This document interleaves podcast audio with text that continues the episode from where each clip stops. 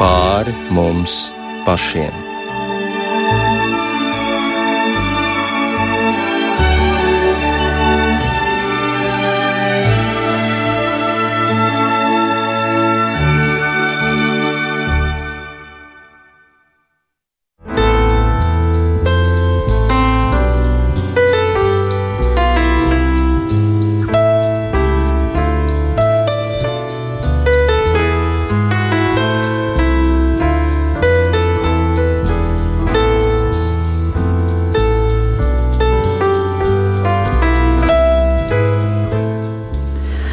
Labvakar, raidījumā pāri mums pašiem, lai ir slavēts Jēzus Kristus.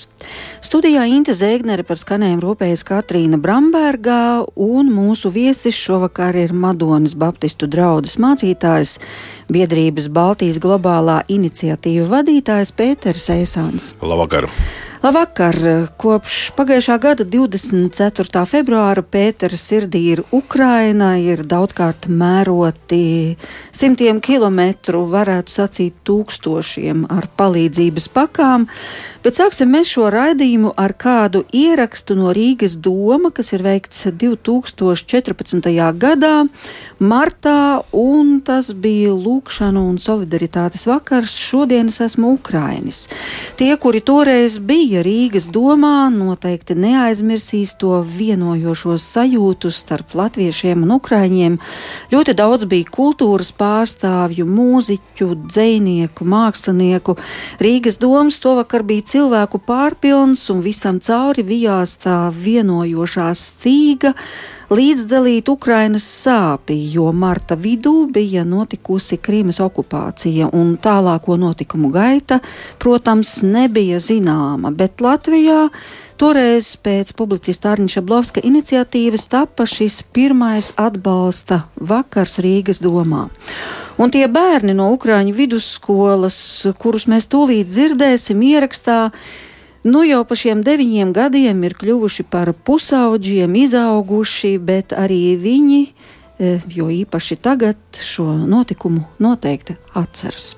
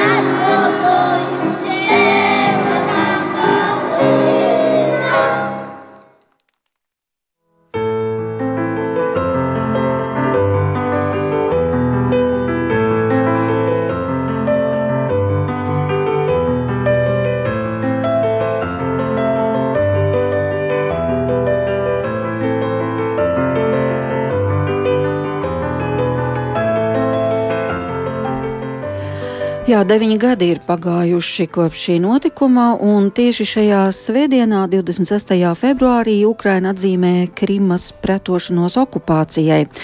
Bet toreiz pirms deviņiem gadiem rezonance šim notikumam nebija tik mobilizējoša, asa un aktīva, un droši vien līdz galam arī netika aptverts kādas var būt šī notikuma sekas. Tagad mēs tās redzam, un atbalsts, ko saņem Ukraina, ir tiešām ierakstīts cilvēku sirdīs, un arī Rīgas domā piekdien visas dienas garumā risinājās lūkšana par Ukrainu, arī ekumēnisks dievkalpojums, kas notika vakarā. Bet, Pēteri, kā sākās tavs Ukrainas stāsts? Ar ko tas sākās? Nu, protams, pirms gadiem, deviņiem, es eh, kā visi citi pārdzīvoju par to, kas notiek eh, ar Krīmas okupāciju un visiem tiem notikumiem. Pirms tam es jau pārdzīvoju arī, kas notiek ar, ar Maidanu un tam līdzīgi. Piemēram, vienam no mācītājiem šeit Rīgā, viņam brālis ir mācītājs Kijavā, un viņam draudzene, evanģēliskā draudzene, tieši tur Maidana laukumā tā telpa, un viņi tur vilka iekšā tos ievainotos tīri. Nu, e, Līdz ar to es esmu interesējies par tiem notikumiem jau uh, no paša sākuma. Uh, Krīmas okupācija, kā to bija iespējams vērot no attāluma, bija arī liels tāds uh, traumatisks piedzīvojums, ka tu redzi to melu lienošo, bet nenovēršamo dabu, ka tur pēkšņi uzrādās kaut kādi e, zaļi, pieklājīgi cilvēciņi, kuri neskādēļ e, tomēr saprot un runā Krievu valodā, kas ir Krievijas federācijas nu, valsts valoda. Nu, tā tad tie nav kaut kur no Ķīnas vai Mongolijas vai e, Brazīlijas atbraukuši. Tie nav no, pat no Marsa nolaidušies, bet viņi pēkšņi kaut kur tur iet un neviens nezina, kas viņi ir. Bet tu redzi tās darbības, un tās nenovēršami ved uz vienu tādu mērķi un rezultātu, nu, varas pārņemšanu uh, Krimā. Nu, uh, nu, un, tādu to, to vēro.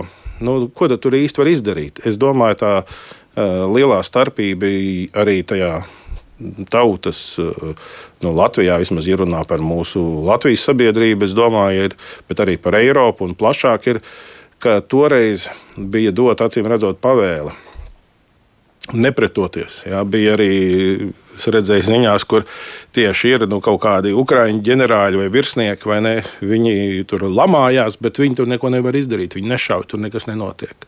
Vai ne, ukrāņu armijas daļas tiek pārņemtas pilnīgi bez neviena šāviena. Un ko tādā situācijā no malas varam palīdzēt? Nu, līdz ar to mēs visi pašķendējāmies. Nu, labi, šeit doma baznīcā, nu, tev bija ieraksts, tur kaut kas notika, vai ne? Bija doma baznīca pilna, es varētu sacīt pilna līdz malām, un vienkārši vienlaikus tā spriedze, vienlaikus tas godīgums, kas izskanēja tekstos, vienlaikus arī mūziķu iesaiste, tur bija gan Kristīna Gailīte, Vita Kaunciema, Anima Sola, tur bija Māra Zālīte, Iveta Šimkus. Nu, vienmēr, tas bija ļoti intensīvi un arī garīgi piepildīts pasākums. Tā bija, jā. Tajā pat laikā, kad tu paskaties tīri nu, ir arī sabiedrībā politiskie līderi, kuri ir vēlēti, kuriem ir amats, jā, kuriem ir uh, kaut kāda reprezentācija arī starptautiskās institūcijās, Latvijas, Eiropas, uh, no nu, arī pasaules uh, līmeņa politiķi. Tur bija viss daudz mierīgāk. Līdz ar to, kā tauta, mēs līdzpārdzīvojām to līdzpārdzīvojumu, kas ir uh, attiecībā uz to, ka tur notiek kaut kāda uh, nu, okupācija. Un, protams, uh, no vienas puses bijām jau pieradināti, ka ik pa laikam Krievijas federācija kaut kur ieiet, bišķīt pakaro un kaut kādu mazu kumosiņu. Nu, it kā nokož, tur it kā kaut kā tur, nu jā, tur neviens neatzīst, tur labi, tur Krievija un Baltkrievija varbūt tur kaut kāda tur teritorija uzskata, ka, nu, pa Krievijai pievienot, bet nu, tur jau nav nekāda atzīšana. Bet tagad nu, tik lielu teritoriju paņemt un tādā konstitucionālā līmenī padarīt par Krievijas federācijas te teritoriju. Ja? Nu, pēc otrā pasaules kara kaut kas tāds nav bijis. Un, protams, Putina retorikā ir visi pārmetumi amerikāņiem, kur viņi gājuši un karojuši. Un, protams, es domāju, ne tikai Putins vien to pārmet, bet tur nekur nav notikusi teritorija pievienošana Amerikas Savienotajām valstīm. Jā, no šeit šis bija pilnīgi kaut kāds bezprecedenta gadījums, vai ne? Pēkšņi ir Ukraiņas teritorija, un pēkšņi viņa vairs nav. Un līdz ar to, protams, tas jautājums, nu, labi, precedenti ir radīti, a kas tālāk?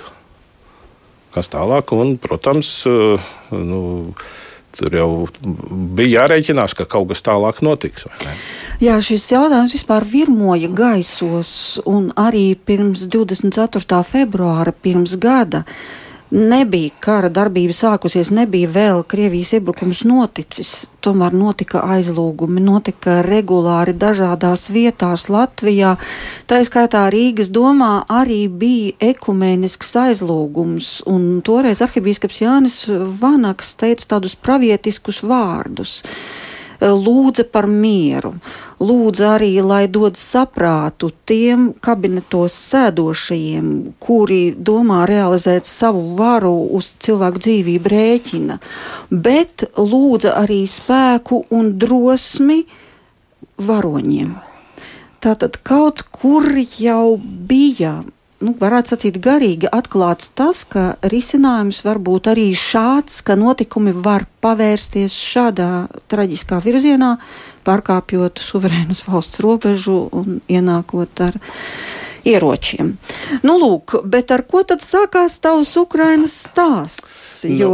Nu, nu, ja tā varētu teikt, tas pēdējais gads, nu, viņš iesākās arī kā visiem citiem ar, ar ziņām ar ziņām Twitterī. Un, jāsaka, tajā ziņā Twitteris kā platforma kaut kādu strauju notikumu, starptautisku notikumu tādā līdzsekošanā ir ļoti labs, jo tīri attiecībā uz Ukrajinu vai vēlāk bija tā Eh, amerikāņu armijas iziešana no Afganistānas. Tur tieši afgāņu kontiem vairākiem, kas sekoja, jeb arī, ka Irānā, piemēram, ir protesti vai kaut kas tamlīdzīgs. Nu, šķiet, ka nav nekas labāks par Twitter. Tur tieši burtiski ar pāris minūšu nobīdi tev, tu saņem ziņu no tās vietas un, un no, no tiem notikumiem. Tāpat tas arī šeit eh, tas pārsteigums, ka tiešām tas iebrukums ir noticis, jo man arī likās, Eh, es varēju kaut kā saprast, kaut kādu loģiku, kādēļ tur ir kaut kāda kara darbība par Krimu vai Donbasu.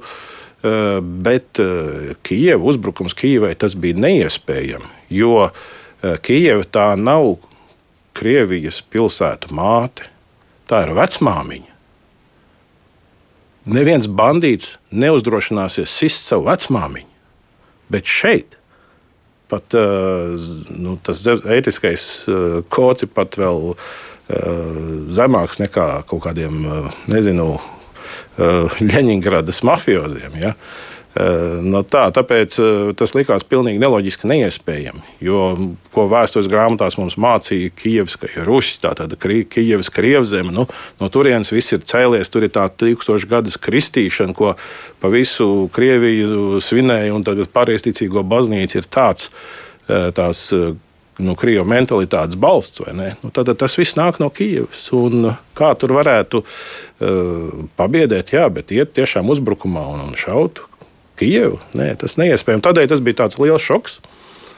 Un, eh, protams, eh, un tūlīt pat eh, uzreiz šokam bija sekoja darbības, kad nu, tīri tādā baznīcas līmenī bija viens zūms, kur bija jāpiedalās un kur no pa visas Eiropas.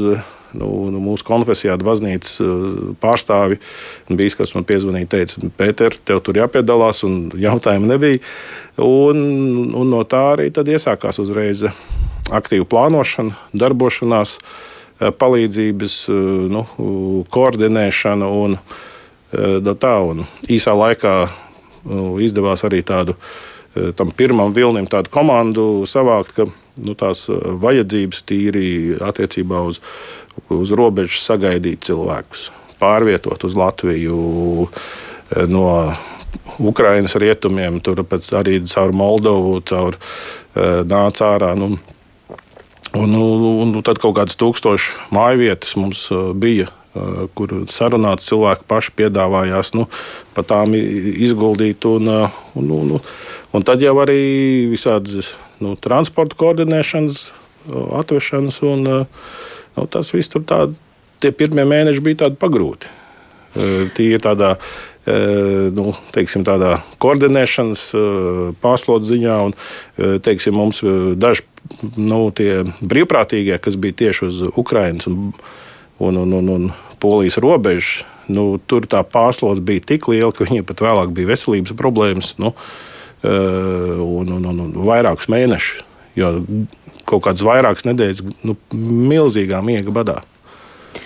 Jā, tu saki palīdzību. Protams, bija svarīgi, ko tieši piegādāt, kas visvairāk nepieciešams, bet, protams, ka tā bija konkrēta saskarsme ar konkrētiem cilvēkiem. O, jā. gan ar draugu locekļiem, gan ar tiem, kuri, kuriem ir jāatstāj savas mājas, jādodas mhm. no Ukrainas laukā. Tad ko tu piedzīvoji? Nu, jāsaka, tā, ka tā saskarsme tieši ar tiem cilvēkiem ir, nu, viņi atstāja nospiedumus. Ehm, es neesmu bijis kaujas laukā, bet es esmu caur viņu stāstiem tur bijis. Ja. Ehm, nu, tas nav normāli, ka vienai kaut kādai 18 gadīgai meitenei viņa īsā laikā zina pēc skaņas pateikt, tie šāviņi nāk viņas virzienā, vienkārši lido paralēli kaut kur, jeb, jeb lido projām. Ja. Un, eh, un, un teiksim, arī es eh, vedu vienu meiteni, viņa parāda, nu, tieši, kas viņas pufai kā bija ieķēries. Tas eh, nu, kaut kāda tā, tāda metāla tāda daļiņa, ja?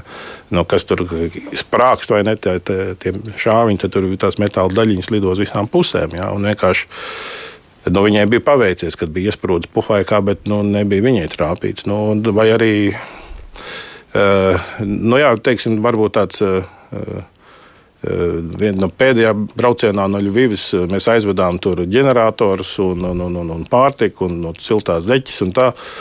un atceļā tam mums bija jāved cilvēku. Bija paredzēts vairāk, bet tiem pāriem dokumenti nebija kārtībā. Bet, eh, nu, teiksim, tāds Viktors.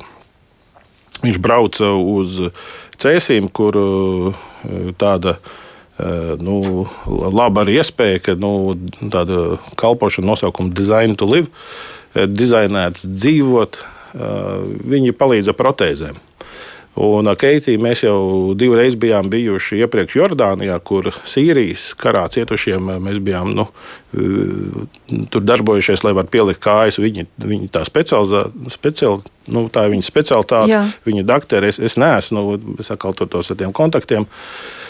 Un, un tādēļ arī nu, šeit viņi teica, nu, man ir cilvēks, vai tu vari atvest. Nu, atvedam, braucam pa ceļam, un nu, 12 stundas vairāk jābrauc. Un, uh, protams, ka jūs sarunājaties. Runājamies, protams, tas ir. Uh, un, un, un, un, tur ir tas ātri jau jātiek skaidrībā to jautājumu, nu, kāpēc tev kāja nav. Nu, nu, tas neizbēgami, tu, tu nevari to kaut kādā pie Rīgas pajautāt. Nu, tam stāstam jātiek izstāstītam, jādod iespēju. Un par to sākām runāt, un viņš no bučas. Un tad, kad tur Pavasarī bija okupācija, nu, viņi visi sēž pa dzīvokļiem, cilvēki neviens ārā nelien, un drīz vien jau visa pārtika ir apēsta. Un, Bet uh, viņš ir nu, jauns vīrietis, precēts viņam meitiņa, seši mēneši. Un um, meitiņai vajag piena pulveri. Tas ir beidzies, nu, un tagad viņš kāpj uz riteņa un brauks kaut kur uz veikliem skatīties, bet nu, viņam tur krievu kontrola postenis aptur. Uh, Eh, kas un kā. Un viņš saka, nu, vajag tā un tā to piena pulveri. Viņi saka, nē, nu, visi veikali slēgti, neko tu nedabūsi, bet mēģina aizbraukt uz slimnīcu, kur ir dzemdību nodaļa, varbūt tur tev kaut ko iedod. Nu, viņš tagad brauc. Un uh, trāpās nu, tādā krustojumā, kur pārvietojas tanki, un viens vienkārši no savu ložmetēju, kas sāka pa viņu šaut un trāpīja viņam kājā. Un viņš tur nokrīt no riteņa un bezpalīdzīgs asinīs guļ. Un, Un, un labi, ka tur bija daudz tā māja, kur cilvēki to bija pamanījuši. Un, um, drīz vien izsteidzās cilvēki paši, tomēr arī riskēdam ar to. Žņaugu uh, uzliku, un, un tad tālāk mēģināja viņu dabūt uz kaut kādu medicīnisko punktu.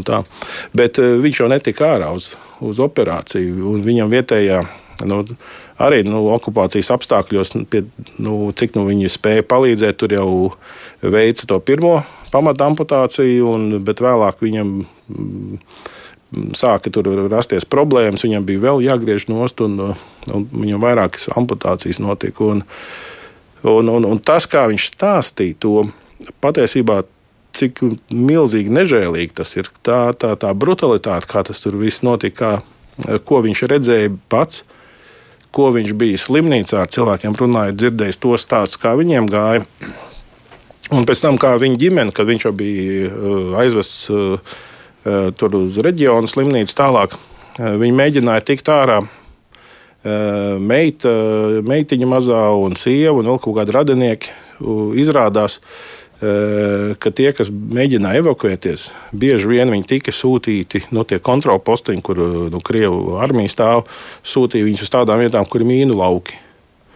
Ja, citiem atkal vēl pa ceļam tur šāva virsū, un, un, un, un daudzi tieši evakuējoties arī tika nogalināti. Un, nu, kad tu tā dzirdi to, ka mm, nu, cilvēki, nu, kas ir ne tikai karavīri, bet viņi arī kaut kādā veidā dara ļaunu civilajiem, nu, to ir grūti grūti tā, nu, sagramot. No otras puses, nu, saprotam tos vārdus arī, kas Bībelē ir, kur pie Jāņa Kristītāja nāk profesionāli karavīri, vai ne? Saka, nu, kā mums izpausties, ja mēs esam karavīri, kā mēs varam tos atgriešanās augļus nest. Viņš tomēr runā. Nu, tad nu, esiet ētiski, nedariet tur pāri tur vājākiem vai kaut ko tamlīdzīgu. Tā tad ir arī karā kaut kāds ētiskais kods, normas, uh, uh, kuru ietvarā var saglabāt tādu cilvēcību tomēr. Ja, un, bet tomēr mēs redzam, ka šeit nevienmēr tā ir. Un, tāpēc, eh, un arī par to buču, man liekas, tik nožēlojami, ka nu, ka mēdz tur Kremļa eh, retorikā viņi izmantot kaut kādas jocīgas piegājas, saka, nē, nu, tas tur bija fake un viltots, un tur kaut kāda aktieri kaut ko spēlēja. Nē, nu, nu, dzīvi cilvēki. Nu, Tāpatās arī eh, mums arī kaut kāda tieši Ukraiņas ietvarā tur arī kaut kādas darbības kopā ar Renāru Vimbu, kas ir nu, arī tāds, nu, viens no tādiem Latvijas tādiem diezgan, manuprāt, jaudīgiem dokumentālistiem. Viņš tieši bučā bija, tā, kad tur atvēra tik tikko. Ja. Bet tā dilemma. Viens ir, ka tu safilmē, bet kā pastāstīt tomēr stāstu mums Latvijā, cilvēkiem Eiropā, kas dzīvojam mierā, Vakarā mēs atnākam mājās, mums uh, māja nav sabombardēta. Uzvelkam savus čības, uzvārtu tēju, piparmēru tēju vai pankūtu, kas uzcep vai ne ar kaut kādu brūkliņu zapti vai ne. Un tad mēs lasām tur planšetē ziņas. Ja? Nu, à, tur kāds, nu, Renārs Vīma vai kāds cits filmu uztaisīs par buļbuļsu, nu, paskatīsimies. No kā tu tā vari pastāstīt, ka cilvēks tajā komfortā var to vispār saprast? ja, to milzīgo traģēdiju. Tādēļ es ja domāju, tā jau arī ir tāda liela problēma, ka tās uh, traģēdijas nevar jau arī normāli izstāstīt. Bet, uh, manuprāt, tieši tādā tie, kas ir darbojušies ar bēgļiem, un atkal uh, ļoti daudz Latvijā to ir darījuši.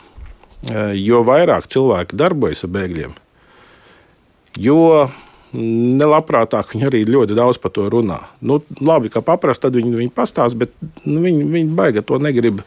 Tā, tā ir kaut kā tāda arī nedaudz trauma.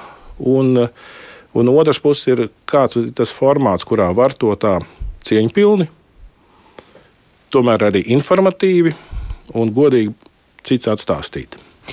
Jā, tu minēji Renāru Vimbu, bet Nesen eh, jau pieminēja publicistu Arni Šablovski, uh -huh. kurš atkal arī tagad ir devies uz Ukrainu un šobrīd ir tur. Un 24. februārī bija tur un fotografijas muzejā Ļvivā tika atklāta Šveices fotogrāfa mākslinieka Kurta Sautera izstāde. Viņam skaņu režisors atsūtīja komponista Jurija Groma, talantīga mūziķa komponista, kurš tagad ir frontē vienkārši tādu nelielu aprakstu par šo cilvēku. Uh, kur viņš saka, vakar burtiski pusstundu redzēja Juriju, šo ģeniālo komponistu no 95. kvartāla, un mēs zinām, 95. kvartāls, kurš gan nebūs redzējis šo izklaidējošo raidījumu, kurā arī piedalījās Volodimirs Zeļenskis. Nu, lūk, Jurijs atnāca atvaļinājumā no frontes, bija, Limā, bija, bija Limānā, bija pie Bahmutas un Ugļadarā un eh, kā vienkārši kainieks. Viņš atradās 150 metrus no ienaidnieka tranšajām. Viņš teica, ka tur tagad esot elle. Asfalts stāvot gaisā, kā viņš izteicās, viss dārdi bez apstājas. Tie, kas neticēja dievam, kļuva ticīgi, jo neviena cita nav uz ko paļauties. Jurijs ir zaudējis svaru, bet izskatās mošs, dzīvo katru dienu kā samurājs. Tas ir karš, un savstarpēja apšaude ir neizbēgama. Kad Juriju palaida uz septiņām dienām atvaļinājumā, viņš pieņēma vēl vienu pasūtījumu rakstīt mūziku mākslas filmai Viņš naktīm komponēja, jo darba bija daudz, un rīt viņš būs atkal atpakaļ savos ierakumos. Lūk, šis stāsts, es, protams, arī internetā meklēju viņa filmas, atradu vienu filmu ar nosaukumu, kas ir ļoti zīmīgs - Miers jūsu namam. Un šobrīd mums ir arī iespēja ieklausīties mūzikā, ko ir rakstījis Jurijs Grams.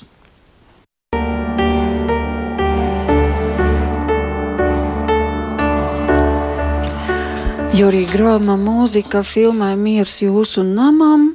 Eh, bet gribēju to pavaicāt vēl par šo tavu ceļa biedru Viktoru. Tu tagad kaut ko par viņu zini? Kāda Jā. viņam dzīve?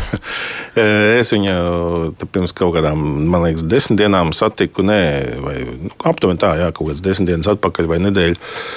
Un uh, viņš tagad jau pielaiko kāju, jo viņam tur viņa dizainēta, uztaisīta, un viņam jātrenējās. Un, un, un, un, un, un viņam tādēļ, ka tur tā kājas tas atlikums ļoti pavisam nedaudz vairs bija. Jā, bet viņam būs. Bet būs viņam kāja, kāja, viņš varēs staigāt. Un kas ir pats svarīgākais, ko cilvēki nenovērtē, ja viņš ar vienu kāju viņam bija jāpārvietojas uz kruķiem, viņam visu laiku abas rokas ir aizņemtas. Un viņš kā tēvs nekad nevarētu savu meitu paņemt pie rokas pastaigā. Tas nav iespējams. Bet tagad, ja viņam ir otra kāja un viņš viņam varēs. ir rokas brīvas, viņš varēs kā tēvs paņemt savu meitu roku pie rokas un vest pastaigā. Tā tad visa ir, ģimene ir šeit? Nē, šeit viņš viens pats. Viens pats viņš ir meita un uh, sieva ir Ukrainā. Bet būs, būs, jā, un tur ir, un vēl tur patiesībā ir interesanti, tur es pat teiktu, varbūt jāpadomā kaut kādu raidījumu uztaisīt, jo tur ir e, divi ukraiņi. E, viena meitene un viens puisis, kas arī ir ar, ar vienu kāju, viņi tur palīdz un, un strādā. Un, un, un, un, un, un, un, un, nu tā, tur ir ļoti interesants lietas, cēsīs notiek. Cēsīs. Jā, design to live. Jā, nu lūk, bet ja runājam par šo savstarpējo sadraudzību, kas eksistē starp baznīcām, starp draudzēm šeit Latvijā un Ukrainā, arī to taču tu noteikti esi piedzīvojis. Jā, jā, nu vispār jau tā sadraudzība ir ļoti tāda, nu, ne tikai starp Latviju un Ukrainu. Tur jau arī tas process bija tāds, ka nu, īpaši pirmajos mēnešos ļoti poļi bija iesaistīti. Un, uh, tur viņi pilnībā bija atvēruši savus dievnamus. Un, uh, tad, jo tas cilvēku apjoms bija tik liels, ka tur nu, nevarēja savādāk. Bet tā sadarbība un sadraudzība starp draugiem arī Latvijā un uh, Ukrajinā ir. Un, uh, nu, tas gan tādā nu, varbūt apvienību līmenī, gan arī starp individuālām draudzēm. Un, protams, draudzes regulāri mēģina palīdzēt ar ģeneratoriem. Uh, atbalstīt. Un jau no kara paša sākuma tas notika, bet nu, visu kara laiku tas ir noticis. Un, un vēl pirms tika izsludināta tā varbūt tāda tāda nu, Ukraiņas mēroga stratēģija, ka būs tie nesalaužamības un neuzvaramības centri, kur vienmēr būs silts ūdens, kur būs elektrība, kur tu vari uzlādēt telefonu. Tā, tā bija lielākoties daudz draugu stratēģija. Eh, jau no paša kara sākuma. Tāpēc tas ir atstājis iespaidu uz vēl vienu lietu, jo eh, cilvēki nāca. Jo tur bija vienmēr baznīcās kaut kāda pārtika atrodama, jo caur sadarbības partneriem viņi to bija dabūjuši. Eh, tur vienmēr varēja kaut kādu maizīti uzsmērēt, desiņu uzlikt, tēņu izvārīt, un tur bija ģenerators, tad tur varēja arī telefonu uzlādēt. Un izveidojās vismaz evaņģēlisko draugu tajā kopībā nu, tādi nu, tie kā tādi centri. Tad, tad jā, baznīcas kļuva cilvēki, par šādiem centriem. Jā, un, un, un, un tad cilvēki tur nāca. Protams, tur arī kādi tur atrada vietu, kur gulēt un tā. Bet uh, vēl viena lieta, ja tur ir cilvēki un viņi pulcējas, viņi gaida, kamēr tas uh, telefons uzlādēsies, viņi sarunājās. Bet visi ir nu, baiļu pilni. Viņi nezina, ko rītdien nesīs, viņi nezina, ko, kas būs pēc stundas. Un, uh, un arī tur ir līdz ar to mācītājiem, garīgiem uh, Eh, personālam vai nu, vispār ticīgiem, viņiem toreiz ir iespēja kalpot, runāt, pārunāt, dievu pielūgt. Un, un ko viņi atklāja, ka bieži vien cilvēki, kas visnotaļ tādi mierīgajā dzīvē bija tādi mazliet noraidoši nu, attiecībā uz ticību. Viņi ļoti labprāt ir priecīgi ne jau uzreiz, ka viņi tur konvertējās vai kas, bet viņi, ka pa viņiem dievu lūdz. Visi to grib Un, un kas notika? Ļoti daudzām draudzēm es dzirdēju arī, kur viņi jau karš sākās vakarā, sanāksim vienu stundu, palūksim Dievu. Un viņiem tas vēl turpinās. Un cilvēki nāk, katru vakaru viņi lūdz Dievu, un, un, un, un, un, un vairākas nu, no daudzām draudzēm es dzirdu, ka tas ir pilnīgi tāds, nu, tāds uh, savu veidu kustība un kā tāda savu veidu garīga atmoda izveidojusies, ka cilvēki, gan paši ticīgie, gan tie, kas uh, nekad tādi nav bijuši līdz šim, bet viņi to draugu atrod kā savu māju vietu, savu kopienu, savu ģimeni. Citiem tur draudz, nu, teiksim, ģimenes locekļi aizbēg uz rietumiem, tad tur paliek babuškas vai ne vecmāmiņas. Un tā bija arī vēl viena no lietām, kas notika. Mums bija ļoti daudz pieprasījumu. Tagad varbūt mazliet samazinājies, bet tieši kara pirmajos. Nu, Pirmajos 3, 4, 5 mēnešos ļoti daudz bija pieprasījumu pēc pamperiem, jo spēcīgākie ģimenes locekļi aizbēga un palika omītis, palika opīši un ļoti bieži draudzes nu, tad arī tur uzņēmās kaut kāda aprūpe par tiem cilvēkiem. Ja, viņus kopt, un, un tā bija viena no tādām, pat, man liekas, vis, pat, pat reizēm vairāk nekā pārtika prasītos pamperus. Ja. Un, ja tev ir jā, jāiet palīdzēt tiem slimajiem, nu, tā tomēr ir liela lieta, ka, nu, ka, ka, ka tā, tas ir iespējams to arī aizvest.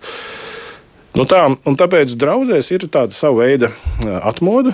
Nu, droši vien jau nevar runāt par gluži visām, ne, bet nu, to diezgan daudz stāsta, ka viņiem tā ir. Un, um, Jā, bet es gribēju vēl atgādināt, pati, patiesībā tikko atcerējos par tiem 90. gadiem un barikādēm. Uh mhm. -huh. Un ka tad arī baznīcas bija kļuvušas par šiem centriem, kuros cilvēki pulcējās, kuros tepat Rīgas domā, tepat Jēkab katedrālē, kur tika dalīta tēja, kur Jā. kopā lūdza, kur Jā. ieguva šo drošību. Nu, un arī tagad, janvārī, barikāžu pasākumā, kad Jā. bija koncerts vai koncertu uzvedums, sauksim to, kā gribam, tas arī kaut kā vēlreiz atmiņā atsauca šos notikumus un to, cik tas bija svarīgi, ka tev un, ir centrs. Un tagad, kad ir miera laiks, tad, protams, ir visas tās diskusijas, ak, jūs baznīca, jūs taču nelieniet valsts lietās baznīcu un valsts ir šķirti, jūs tur ejiet paši savā stūrītī, bet, ja būs atkal krīze, baznīcas durvis jau būs vaļā, un cilvēki arī meklēs. Jo tas eh, ir neiespējami to nemeklēt. Nu, piemēram, nu, viena no lietām arī nu, Latvijā pirms kāda laika, nu, tas bija rudenī, eh, apciemojām tur vairākas ģimenes. Un, nu, vispār kāpēc apciemoju? Tāpēc, ka pavasarī man eh, draugs ir eh, fermeris, nu, lopkopis, raitām ņemās. Bet tagad viss karš sākās. Viņš man piezvanīja, paklau, Pēter, ko tu domā? Cik ilgi tas karš ies? Nu, nu, nu, nezinu, nu, kā var zināt, cik ilgi ies. Viņš saka, kad domā, nu, rudenī būs vēl karš, nu, vēl bēgļi būs. Saka, zinu, man izskatās, ka būs gan, ka nu, tur vismaz kādu gadu vai divu būs. Ko es vispār zinu, vai ne? Es neprašu tajās lietās. Bet viņš saka, zina, ko, kā būtu, ja mēs iestādītu kartupeļus viņam zeme ir. Tā es saku, jau vispār forša doma, davai, jā, jā, jādara kaut ko. Nu, tā arī radās. Sastādīja kartupeļus un priekš Ukraiņiem. Un tad beigās, eh, tagad nu, rudenī nu, ir raža. Un tad tur apzinājām, kur viņi te pa Latviju visu kaut kur ir. Vadājām. Aizbraucām uz vienu vietu Latgalē. Tur, eh, viņi tur izmitināti, tur kaut kādas vairākas ģimenes vienā skolā. Un tur tieši situācija pensionērais tēvs ap 70 gadu. Braucis bija Ričuku un arī e, sprāga bumbas, vai ne? Un ievainoja viņu kājā, viņš ir nokritis, bet tā bija kasešu bumba, un viņš guļ. Un kaut kādā metra attālumā viena no tām neizsprāgušajām mazajām bumbiņām viņam pie galvas. Un viņš tur guļ, un viņš redz viņam blakus tā neizsprāgusī. Un, uh, Un, un tagad viņš bija jau Latvijā. Nu, viņš uzzināja, ka es esmu mācītājs. Viņš ir priecīgs, ka mēs tur parunājām un dievu lūdzām. Un, un vedekli, kas atkal tāda ļoti liela skeptiķa, tā atkal bija šī pa viņa ievīpsnā. Un es, un es saprotu, jebkuram cilvēkam, tas vectēvs jau arī nebija reliģiozais pirms tam, saproti. Bet, ja tev kaut kādu mirkli, tu esi tajā situācijā, un tu nekādīgi nevari ietekmēt savu likteni, ne ar ko Viņš ir ievainots, viņš nevar pārvietoties, viņš ir pilnīgi atkarīgs no citiem. Nu, es domāju, tur daudz kas notiek cilvēkam, dažādas pārvērtēšanas. Es domāju, tādēļ arī Ukrainā tur, nu, kur ir tieši tā kardarbība, visas lietas pārvērtē karavīri. tāpat tās arī nu, par tiem ukraiņu kapelāniem. Mums ir bijuši arī dažādi sadarbības projektiņi, un, un arī esam atbalstījuši. Un, zinām to darbu, ko viņi dara tieši nu, tajās vietās, ka viņi nu, no tās pašas frontes līnijas atnāk nu, ik pa laikam atpūsties. Jā, tajā, tajās bāzītēs bija šī uz atpakaļ tiek atvilkti. Tur kapelāni dara lielu tādu garīgās iestiprināšanas, uzmundrināšanas, tādas, nu, tādas arī tādas garīgās aprūpas darbu. Un, nu, tā, tādēļ cilvēki Ukrajinā kopumā ir atvērtāki dieva meklējumiem nekā jebkad agrāk. Jā, un to arī publicists Arnis Šablovskis teica vēl nu, pat iepriekšējā reizē, tad pirms mēneša tur esot, ka tur par ticību neviens nav jāpārliecina. Tur svētdienā ir astoņi dievkalpojumi un visi ir pilni, un visi ir pilni ar jauniem cilvēkiem tā skaitā. Un viņš arī atsūtīja kādu ierakstu, kur ir dziedājums svētīgi noskumušie, jo tie tiks iepriecināti.